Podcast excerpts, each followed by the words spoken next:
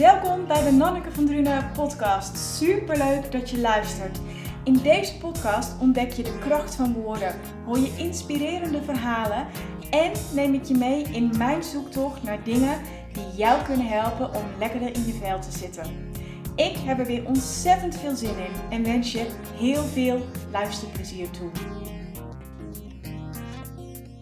Hey, hallo, superleuk dat je luistert naar deze aflevering van de podcast. En dit keer heb ik twee gasten en het is voor mij een unicum, want ik heb een echtpaar voor het eerst uh, in de aflevering van de podcast.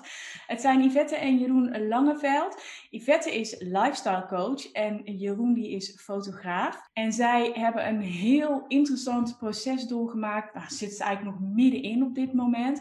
En ze hebben hele toffe plannen en daarover ga ik vandaag met ze in gesprek.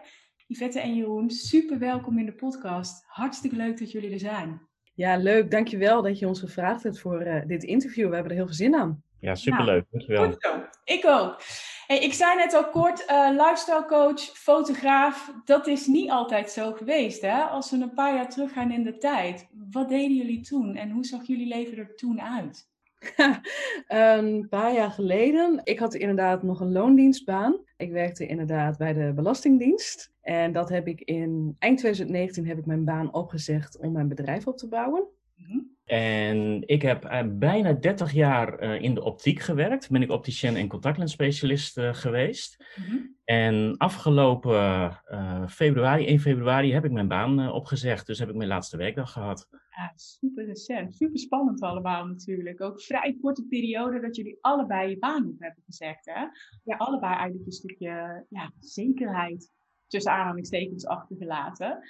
Hoe kwam dat? Wat maakte ineens dat jullie zeiden, we gaan het anders doen? Het is eigenlijk wel een proces geweest van een aantal jaren, wat wel borrelde.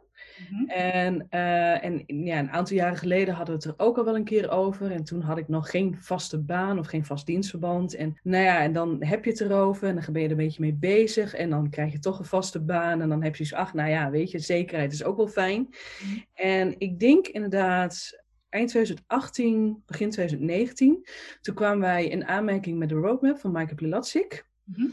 En toen op dat moment uh, het, het, het, dat, gewoon dat simpele vraag van wat zou je doen als je, ja, hoe zou je leven eruit zien als alles mogelijk is? Ja. En toen zijn we gaan schrijven. Eigenlijk afzonderlijk van elkaar, maar toch kwamen onze levens er wel hetzelfde uit te zien. Oh, dat is heel fijn als je echt herkent, toch? Ja. en dat was echt inderdaad vrijheid. Vrijheid, baan opzeggen, eigen bedrijf opbouwen en wonen op Bali. Er zat één klein verschil in. Jeroen die wil een huis op de, met uitzicht op de reisvelden en ik wil een huis op uitzicht op de zee. ja, dan wordt het dus nou, dan komt het uit. Ja. Maar Bali was wel de, uh, nou ja, het onderwerp. Ja, ja. En dat was dus begin 2019. En ja, door dat op te schrijven, dat voelde zo goed. En toen hadden we iets van, hier moeten we voor gaan. En uh, toen hebben we ook alles op alles gezet. En uh, nou, zijn we echt ondergedompeld in heel veel cursussen, begeleiding, uh, alles. nou, nou, een jaar lang allerlei trajecten gevolgd om er maar voor te zorgen dat we dus het eigen bedrijf konden opbouwen. En wat voor trajecten moet ik dan aan denken? Nou ja, sowieso de roadmap natuurlijk van Michael Plilatsik. En daarnaast verschillende één-op-één coaching van business coaches ja, en echt van ook opleiding, of nou ja, wat zijn het van die cursussen waar je alles leert, hoe je online kan ondernemen en alles wat erbij kan kijken. Ja, en je, je zei net, of je zei even net tussen de regels eigenlijk door van uh, Bali was een gemeenschappelijk ding wat gelukkig bij jullie allebei in de, in de roadmap zeg maar stond. Waar komt jullie, jullie band met Bali, waar komt die vandaan? Ik weet het natuurlijk, maar voor de luisteraar die dat nog niet weet, vertel dat eens. Ja, dat zijn de meisjes van ons kinderthuis, het Garuda Huis Bali. Ja. En uh, dat zijn, mag ik wel zeggen, onze kinderen. En dat is alles waar we het voor doen. Ja, en hoe zijn jullie daarmee in contact uh, gekomen? Hoe is dat ontstaan? Oei, dat is wel uh, heel wat jaren terug. uh, wij kennen het project al. Het, het, is een kinderthuis wat al een aantal jaren bestaat. En het was eigenlijk altijd een project van onze kerk dat wij steunden. En um, wij, nou, wij houden van reizen. En wij hadden wel een keer zoiets van, goh, wij zouden wel eens willen weten wat dat nou is en wat we kunnen doen voor hun. En toen zijn wij dus, nou, het is opgericht door een Nederlands echtpaar. In overleg zijn wij dus toen in 2009 naar Bali gegaan. Ja. Dus dat is ook al uh, nou ja, bijna elf jaar geleden. Ja. En um, ja, wij stapten het huis binnen best wel spannend. Heel spannend. Wat maakt het spannend? Ja, ik weet niet wat het spannend maakt, maar dat waren wel behoorlijke kriebels in de buik. Echt, uh, ja, de eerste keer dat, dat we ook uh, met het echtpaar contact namen daar, want we moesten een afspraak maken telefonisch om, uh, om hun te gaan bezoeken. Oh, dat vond ik ook heel erg spannend, om hun voor de eerste keer te bellen en het contact te hebben. En ja, en dan kom je daar binnen in het huis en ja, je wordt zo welkom ontvangen, zo warm ontvangen. Ja. En ja, dat, dat was gelijk raken. Ja, het was echt het thuiskomen. Ja. Er, waren, uh, er woonden op dat moment twintig meisjes in het huis en, en die raakten ons. Mhm. Die raakten ons direct. En uh, toen zijn we ook die, tijdens die vakantie zijn we heel veel in het huis geweest, heel veel gedaan. En uh, Jeroen heeft zelfs de ogen nog gemeten van alle meisjes. Ach joh, Ja. ja, dus dat was ook wel, eigenlijk ook wel, daardoor had je ook al wel een beetje, nou ja, dat je uh, alles een beetje, ja, de contacten wat makkelijker werden. Ja. Um, maar ja, we waren verkocht eigenlijk. We hadden echt zoiets van, ja, dit voelde zo goed. En in 2011 is de oprichter in Nederland overleden en zijn vrouw werd ziek. En ja, toen was het een beetje zo van ja, en nu? En toen was ons gevraagd of wij dus het werk wilden uh, voortzetten. Ja. En is er dus een nieuwe stichting gekomen die dus echt vanuit Nederland zich inzet om dus uh, jaarlijkse budget te halen, zodat die meisjes naar school kunnen gaan. Ah, wat mooi. Je, je zei net van, we werden ontzettend geraakt. Kun je, kun je duiden waar dat door kwam? Mm, ja, ik denk dat dat wel een stukje uh, wat daarvoor is gebeurd. Een beetje, uh, dat is wel persoonlijk. Um, wij hadden daarvoor hadden wij best wel een hele heftige periode. Mhm. Uh, in 2008 hebben wij te horen gekregen dat wij zelf nooit geen kinderen kunnen krijgen. Ja. En dat was natuurlijk een nou, best wel een moeilijk proces. En wat er dus volgde waren een aantal heftige buikoperaties voor mij. Mhm. En ook behoorlijke hormoonbehandelingen. En dat was in 2008 dat wij dat te horen kregen. En in 2009 zijn we dus inderdaad naar het kinderthuis geweest. Ja. Ja, en ik denk dat dat het ook is, want achteraf, dat hadden we op dat moment nog niet door. Maar op dat moment zijn we mom en dad geworden van heel veel meisjes. Dat is heel mooi, want ik, uh, ik ben zelf betrokken geweest bij een stichting in uh, Mandalay, Myanmar. En uh, de secretaris daarvan en zijn vrouw, die hebben een beetje een soort vergelijkbare situatie. Kunnen zelf ook geen kinderen krijgen. En ja, zien die kinderen daar ook een beetje als hun kinderen. Zijn er iets meer dan bij jullie? Ze zitten er nou, ik weet niet hoeveel, maar echt, de laatste keer dat ik ben geweest zaten er 200 over verschillende huizen. Maar ja, ja dus een, een hoofdmonnik daar en die blijft gewoon maar kinderen die aan de poort komen, zeg maar, erbij uh, uh, stoppen, zeg ik heel uh, ongenuanceerd. Want dan heb je het daar ook over en dan zeg je, ja, maar dat kan echt niet. Je kan echt niet nog meer kinderen erbij doen. En dan zegt hij, ja, maar ik laat echt geen kind aan de poort staan. Weet je, dat is ook heel mooi, dat zullen jullie ook herkennen. Dat westerse denken en dat, dat oosterse denken, zeg maar, ja, waar je elkaar dan toch moet, uh, moet vinden. Ja. Dus ik snap wel heel erg, en ik heb dat ook ervaren toen ik uh, het project heb bezocht in 2013, dat je daar binnenkomt en ja, die warmte die je voelt en gewoon ja, hoe welkom je daar bent. Dat is, het is echt ja, een warm bad. Tenminste, zo heb ik het ervaren. En ik denk dat dat ook het gevoel is wat jullie hebben ervaren. Hè? Ja, absoluut. Ja. Dat, uh, het, het, gekke was ook van nou, hè, het, het, huis wordt dan gerund door een ouder echtpaar. Mm-hmm. Er zit gewoon vader en moeder op het huis. En de eerste keer dat wij er al waren, nou, dat is misschien wel even goed om dat uit te leggen. De, de oprichters in Nederland die heten Gerard en Lies. Mm-hmm. En dat zijn de echte, die hebben het huis zo opgericht en gezorgd dat het allemaal nou, draait en zeilt, zeg maar. En uh, de allereerste keer, dus in 2009, toen zei dus de vader van het huis zei al tegen ons van jullie worden onze nieuwe Gerard en Lies. En wij hadden echt zoiets van ja, nee, dat kan niet, dat is te veel credits. Oké, okay, ja. Had hij wel gelijk. En ja. het is wel zo. En dat, ja, dat voelt gewoon heel goed. Dat voelt heel fijn. Denk je ook, want jij zei net ook Jeroen, van um, ja, een soort van kriebel, hè? Toen je al de eerste keer contact zocht. Denk je dat je onbewust misschien al hebt gevoeld dat dit groter was dan je op dat moment wellicht ja. dacht? Dat denk ik wel, ja. Ja. ja. Eigenlijk weet ik wel zeker. Ja. ja. is dat, hè? Hey, ja. en, en, jullie hadden het over twintig meisjes. Uh, is dat een bewuste keuze, alleen meisjes? En zijn het, uh, welke leeftijd hebben ze? Het zijn dus echt meisjes in de leeftijd van nou, gemiddeld 12 tot 18 jaar. Want het zijn dus echt uh, nou, meisjes die naar de middelbare school gaan. Ja. ja er is inderdaad bewust gekeuze, gekozen van nou, 20 nou, het zijn nu ongeveer 15 meisjes, dat is ook gewoon door de jaren heen wat minder geworden. Mm Er is gewoon gekozen om het klein te houden, omdat het gewoon één ouder echtpaar op zit. Dan hebben ze ook gewoon de aandacht voor elk meisje en krijgen ze ook allemaal de juiste begeleiding. Even los van het feit, het zijn natuurlijk meisjes op puberende leeftijd. Dus of je dan in zo'n kleine groep jongens en meisjes bij elkaar moet doen, is misschien niet helemaal goed. Maar de, eigenlijk de voornaamste reden is gewoon, ja, meisjes hebben gewoon minder kansen in uh, zoals landen zoals Indonesië. Want als er al geld is om uh, kinderen naar school te gaan, gaan de zonen voor de dochters. Ja, ja, en, ja, precies. En dat is natuurlijk dat je weet dat als je dan die meiden educatie geeft en empowert, dat je daarmee natuurlijk een hele ripple effect, zeg maar, ja, gaat uh, creëren. Ja. ja. Ja, precies. Ja, nou, jullie zijn daar toen dus geweest en toen zijn jullie gevraagd om, uh, om eigenlijk zeg maar dat, ja, bestuur, moet ik het zo zeggen, om, om dat zeg maar over te nemen vanuit Nederland. Ja, eigenlijk wel. Want wij hebben toen de stichting eigenlijk overgenomen. Die staat gewoon op onze naam. En uh, wat we dus eigenlijk doen. Kijk, er staat nog wel een stichting boven ons. Dat, dat, dat is net even wat groter. Uh, maar wat wij doen, wij zijn dus echt verantwoordelijk voor dat het nou, jaarlijkse budget wordt gehaald. Zodat die kinderen naar school kunnen gaan. Ja. Onderdak hebben. En, uh, nou ja, en uiteindelijk ruimte om het uit te kunnen breiden. En dat was, als ik het goed herinner, zijn jullie net 2011 dat jullie dat over hebben genomen? Ja, 2011 is die man, uh, is de oprichter overleden. En vanaf dat moment is het proces in werking gegaan. En nou ja, dat is dan toch, dan merk je ook wel van, het gaat soms altijd wat langzamer als je het over Indonesië hebt. Dat, ja. dat is het verschil denk ik ook tussen het oosten en westen. Als wij iets regelen, dan willen we het dezelfde week nog klaar hebben.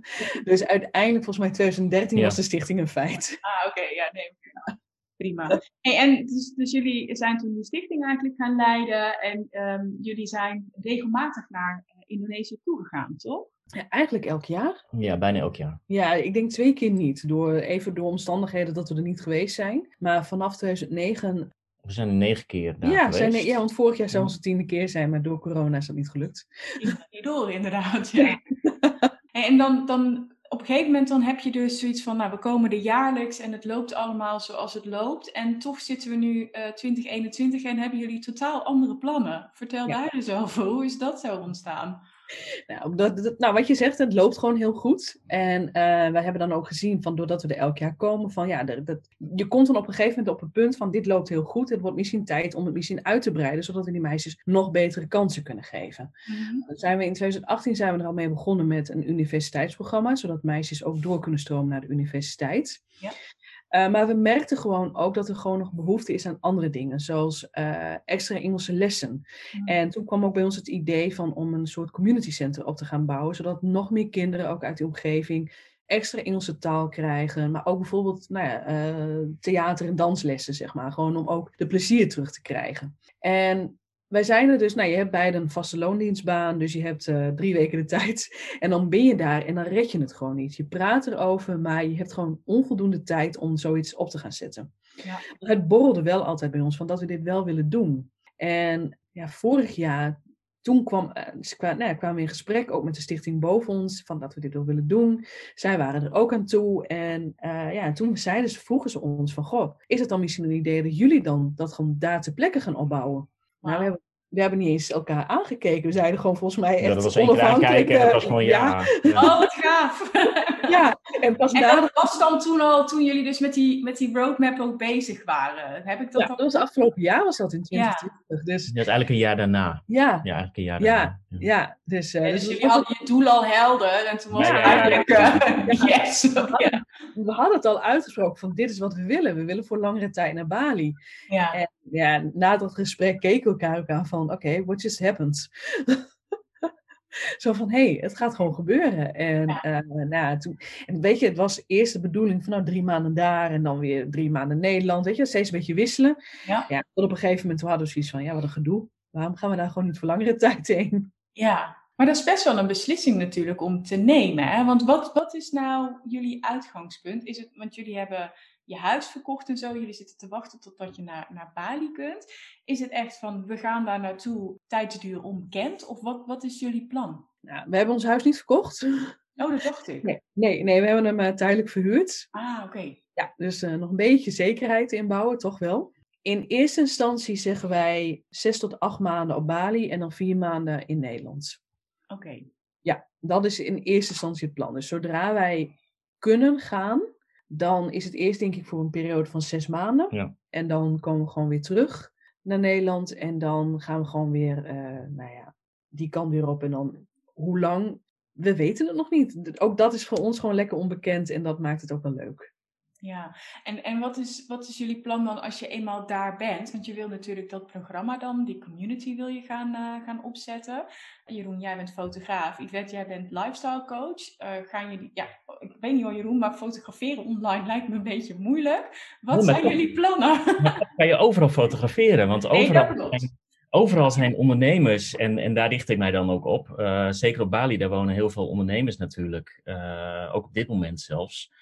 Uh, ja, die hebben ook gewoon foto's nodig voor hun Instagram, hun social media en, en, en websites. Ja. Ja, dus dat, dat kan daar gewoon doorgaan. En ja, en, en je kan ook toch wel online kan je ook heel mooie foto's verkopen. Want je kan natuurlijk hele mooie, mooie landschapsfoto's maken en, en dat online ook weer verkopen. Ja. Dat over de hele wereld verkopen. Dus er is altijd een mogelijkheid voor business, zeg maar.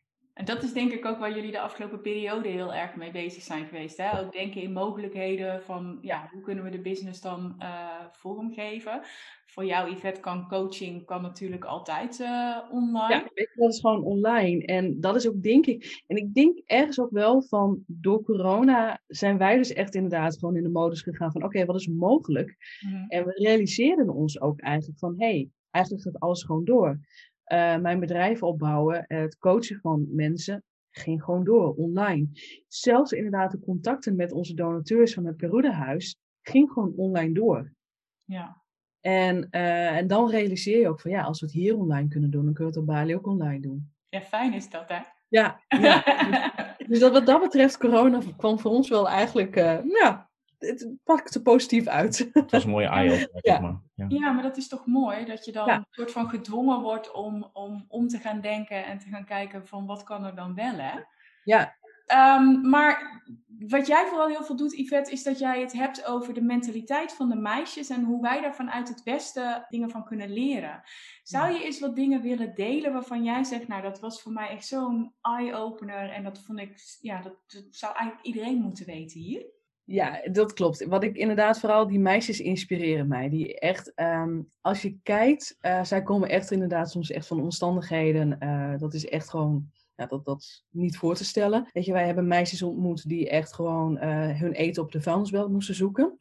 Zij hadden maar één droom en dat was naar school gaan. En voor ons is dat iets onbegrijpelijks, omdat naar school gaan heel voor ons natuurlijk gewoon, nou, ja, dat hoort erbij. En eh, eh, we weten niet anders. Maar voor hun is dat veel lastiger. En het feit is dat dat hun droom was om naar school te gaan, nou, dat is hun gelukt doordat ze dus in het kinderthuis wonen. En ze blijven dromen. En dat vind ik dan zo knap, van dat die meisjes gewoon echt gewoon, eh, ze zijn in een school en nu gaan ze alweer verder van.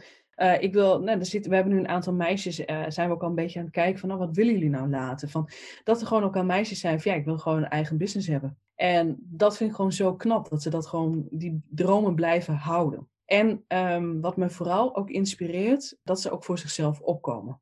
Mhm. Ja, dat, eh, er was dan, eh, dat, is mij, ja, dat is echt mijn grootste voorbeeld ook. Ja. Er is dan één meisje bij, Gita heet ze. Dat meisje die is zo blij dat ze naar school kan. En eh, nou, haar vader is weggelopen en eh, zij is een jaar of 15 en toen belde haar moeder op van, ik ben ziek, je moet thuiskomen, je moet voor me zorgen. Ja. Want in Indonesië, je gaat eerst inderdaad je eigen kinderen vragen of je eerst de lijn vragen van om te helpen om te, eh, als, als iemand ziek is. Ja. En dat meisje was zo verdrietig, Kita was zo verdrietig en die had echt zoiets van, als ik nu naar huis ga, ga ik nooit mijn school meer afmaken. Mhm. En dan weet ik dat ik ook nooit naar de universiteit kan en dan weet ik wat mijn toekomst is en dat wil ik niet. En zij heeft gewoon de keuze gemaakt voor zichzelf. En ze heeft tegen haar moeder gezegd van, sorry mam, ik kom niet thuis. En er is wel een andere familielid die haar opgevangen heeft. Want dat gaat gewoon wel door. Dat weet je ook gewoon daar. En zij heeft gewoon voor zichzelf gekozen en ze gaat naar school. Wauw. En dat heb ik echt zoiets van, wauw, je zet jezelf op de eerste plaats. En dat op die leeftijd ook al, hè? Precies. Ja, van ik heb een droom, ik heb, ik heb dit voor mij, ik wil naar school. Ik heb een doel. Ik, ik heb een doel en ik kan nu eindelijk naar school. Het is me nu eindelijk aangeboden. Nu wil ik het ook afmaken ook. En ja, dat, dan denk ik van ja, laten we daarvan leren. En zie je dat zo'n meisje dan ook weer, zeg maar, impact heeft op andere meiden in het huis? Ja, absoluut. Ja, je ziet een, een, ja, toch een soort van cirkel. Hè, van, uh, ook voordat wij het universiteitsprogramma hadden, uh, waren er al een aantal meisjes die heel graag naar de universiteit wilden. En die hebben alles op alles gezet om dat zelf voor elkaar te krijgen. Mm -hmm. En dat was toen in die tijd, dat was al een aantal jaar geleden. Nou, dat waren dan die meisjes, heten Nita en Desak. En toen vroegen wij aan de meisjes in het huis, wat willen jullie? Willen zij zoals Nita en Desak, zodat we naar de universiteit kunnen? En dan denk ik van, ja, ze zijn elkaars voorbeeld.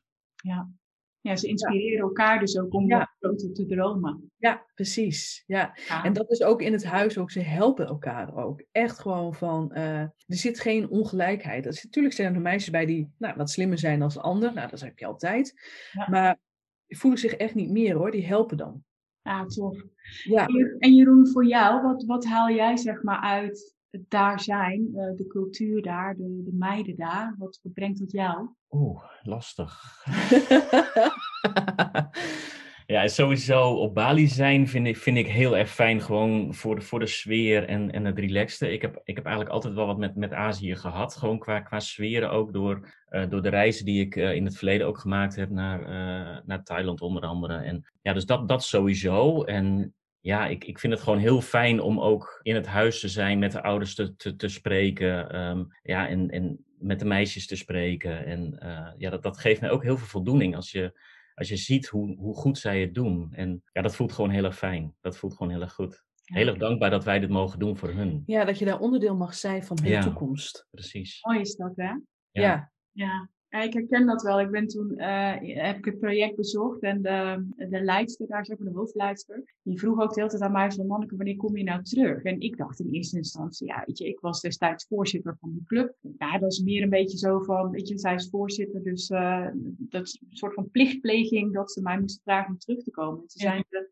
bijna twee jaar geleden, geloof ik, zijn ze hier in Nederland geweest met een paar stafleden uh, vanwege het tienjarig bestaan van de stichting destijds. En toen was het op mijn verjaardag, zaten er twee in mijn uh, tuin. En toen zei ze echt, ze legde echt een hand op mijn knie en toen zei ze, maar Nanneke, wanneer kom je nou weer terug? En toen dacht ik, oh mijn god, je meent dit echt vanuit het diepst van je hart, weet je wel. En toen zei ik, oké, okay, maar dan ga ik dus ook terugkomen. En dat was dus ook de bedoeling, net zoals jullie. Vorig jaar had ik dus uh, naar Birma willen gaan. Maar ja, dat kon natuurlijk niet. Maar wat in het vat zit, uh, dat, uh, dat vergaat niet. Dus dat, dat herken ik wel inderdaad, die warmte. En dat, dat, je, ja, dat je daar zo ik kan daar ook zoveel leren. En ik denk dat dat misschien bij jullie ook is. Weet je, van die, de manier waarop zij naar het leven kijken. Ik heb toen ook de stafleden geïnterviewd. En zij zei op een gegeven moment ook van, jullie hebben hier alles qua uh, materieel geluk, zeg maar. En toch jagen jullie nog geluk na. En toen dacht ik, wow, weet je, die kwam wel even binnen. Dat ik dacht, ja. alright, daar heb je wel echt gelijk in. Ja. En dat vind ik zo mooi ook van de gesprekken die je daar hebt. Ik weet niet of dat jullie dat ook herkennen. Ja, dat is wel een gevoel wat ik eigenlijk ook altijd wel in Azië heb. Van, uh, die mensen hebben daar veel en veel minder. En toch zijn zij zo gelukkig met, met, met zo weinig. En ja, dan doet je wel beseffen van ja, wat, wat zijn we hier toch aan het doen eigenlijk? Weet je wel, dat. Ja. Dat, uh, ja. Ja, mooi is dat hè. Maar ik vind dat dus ook het toffe aan reizen. Dat je um, met mensen uit andere culturen en andere kijken op het leven en op de wereld dat je van gedachten kunt wisselen en dat je daar zo ontzettend veel van kan leren. Dus ik kan me alleen maar voorstellen dat jullie ervaring die jullie daar gaan opdoen, dat het echt gewoon mind-blowing uh, gaat zijn. Ja, en ik denk ook vooral voor wat ik zelf heel erg gemerkt heb, dat was toen inderdaad, toen zijn wij een keer echt van een langere periode weg geweest, dat we weer terugkwamen in Nederland, dat ik ook dacht van, waarom hebben we hier zoveel keuze? ja, dat je daar gewoon, dat je daar wel stress van kan krijgen. Dat je echt denkt van, jeetje, we hebben nu zo'n lange tijd gewoon simpel geleefd. En dan sta je weer in die supermarkt en dan denk van, oké, okay, mag ik gewoon weer terug? Weet je wel, dat gevoel. Ja, dat ken ik wel. Ja, ik, ik ben toen uh, jaren geleden zeven maanden op wereldreis geweest. Toen kwam ik terug en toen deed ik zo'n kledingkast hier open. En dan kreeg je inderdaad ook gewoon bijna keuzestress van. Ja.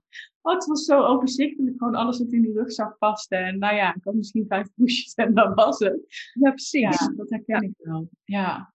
Dat, uh, nee, dat maakt het reizen gewoon heel mooi. Van vooral het leren van andere culturen. En dat gewoon weer samenbrengen. En dat merk ik ook echt wel dat ik dat gewoon ook doe, ook als coach. Van, van alles wat je meegenomen hebt, van, nou, vooral van de meisjes, maar ook van al die culturen. Weet je, daar kunnen we gewoon zoveel van leren. En daar weten de meiden ook dat jij hun wijsheid weer deelt met uh, ja. anderen. Ja, ja, klopt. Ja, dat Hoe vinden ze dat?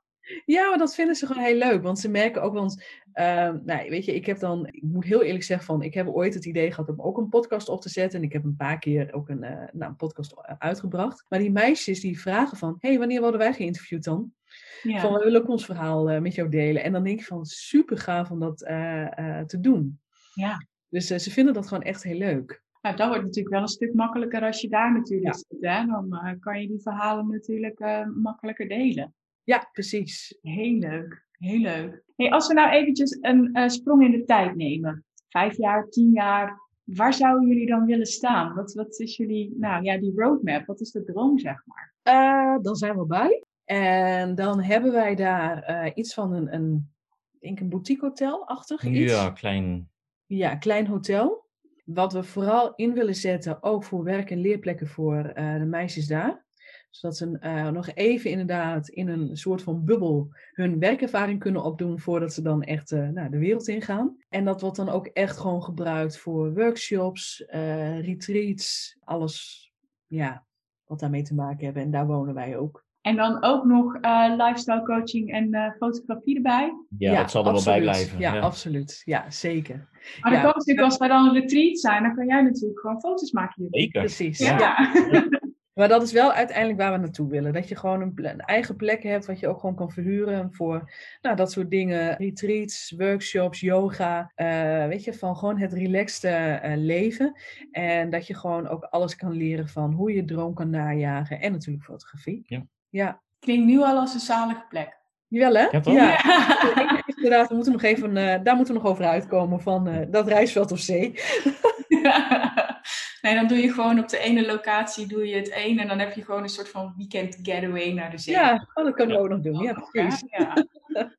Gaat helemaal goed komen volgens mij. Is er nog iets waarvan, uh, en dan wil ik het graag van jullie allebei apart uh, horen. Um, is er nog iets waarvan je zou zeggen, dat zou ik heel graag de luisteraar nog mee willen geven? Een tip, een advies, iets wat jullie uit je eigen proces hebben geleerd wat je misschien zou willen delen? Ja, wat ik geleerd heb uh, van de meisjes is gewoon inderdaad blijven geloven in je dromen. En dat het voor iedereen echt mogelijk is om je dromen uit te laten komen.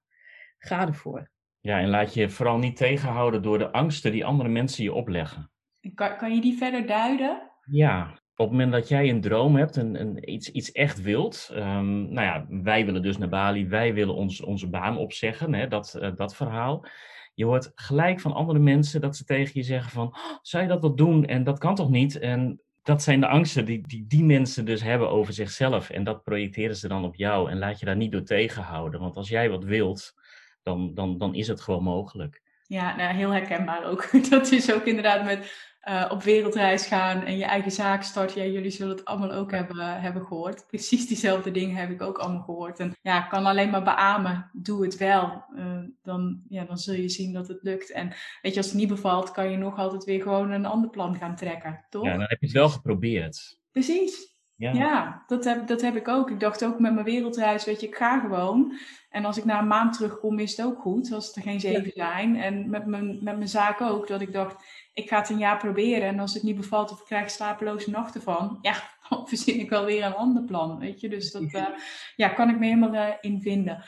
Is er nog iets anders waarvan jullie zeggen, willen we heel graag delen of vinden we leuk als de luisteraar dat, uh, dat weet of hoort of meeneemt?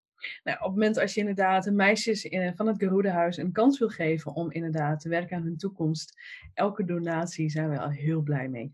En hoe kan men dat doen?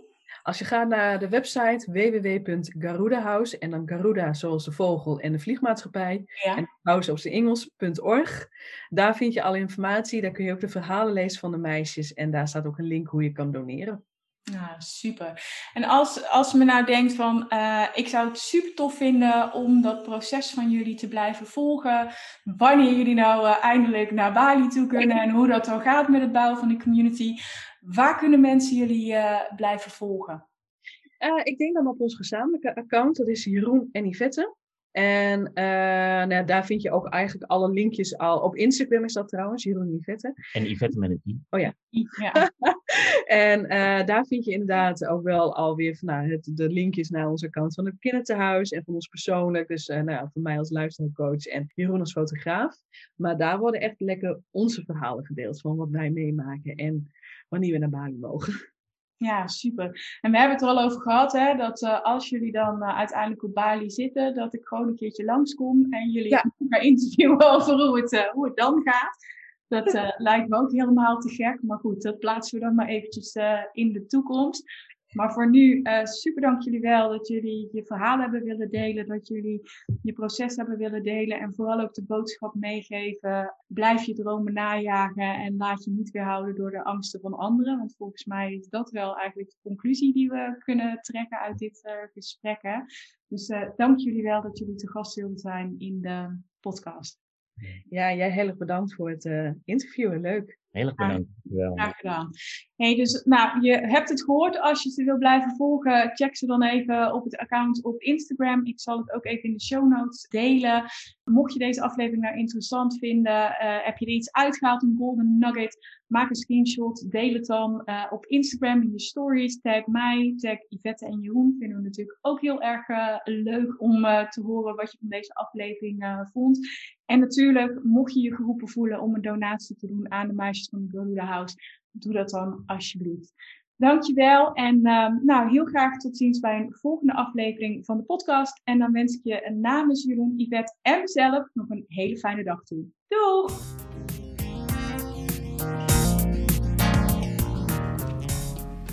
Dankjewel dat je luisterde naar deze aflevering van de Nanneke van Drunen podcast. Ik hoop dat je de aflevering interessant vond. Is dat nou het geval, dan zou ik het heel tof vinden als je een screenshot wilt maken van de podcast en mij wilt taggen op Instagram. En dat is Nanneke van Drunen. Op die manier inspireer jij weer andere mensen en ontdek ik wie er allemaal naar de podcast luisteren. En dat vind ik heel erg tof. En ik heb nog één vraag voor je. Ik maak echt met heel veel liefde en plezier gratis content voor jou. En ik zou het heel fijn vinden als je één dingetje voor me zou willen doen. En dat is een review voor me achterlaten op iTunes. En dat kun je doen door onder de podcast helemaal naar beneden te scrollen en me daar dan te laten weten wat jij uit de podcast haalt. En daar help je me echt enorm mee. Want hoe meer reviews er zijn, hoe meer mensen hem kunnen vinden. En ik weer kan helpen bij het ontdekken van de kracht van woorden. Alvast enorm bedankt en heel graag tot ziens bij een volgende aflevering van de podcast. Fijne dag nog!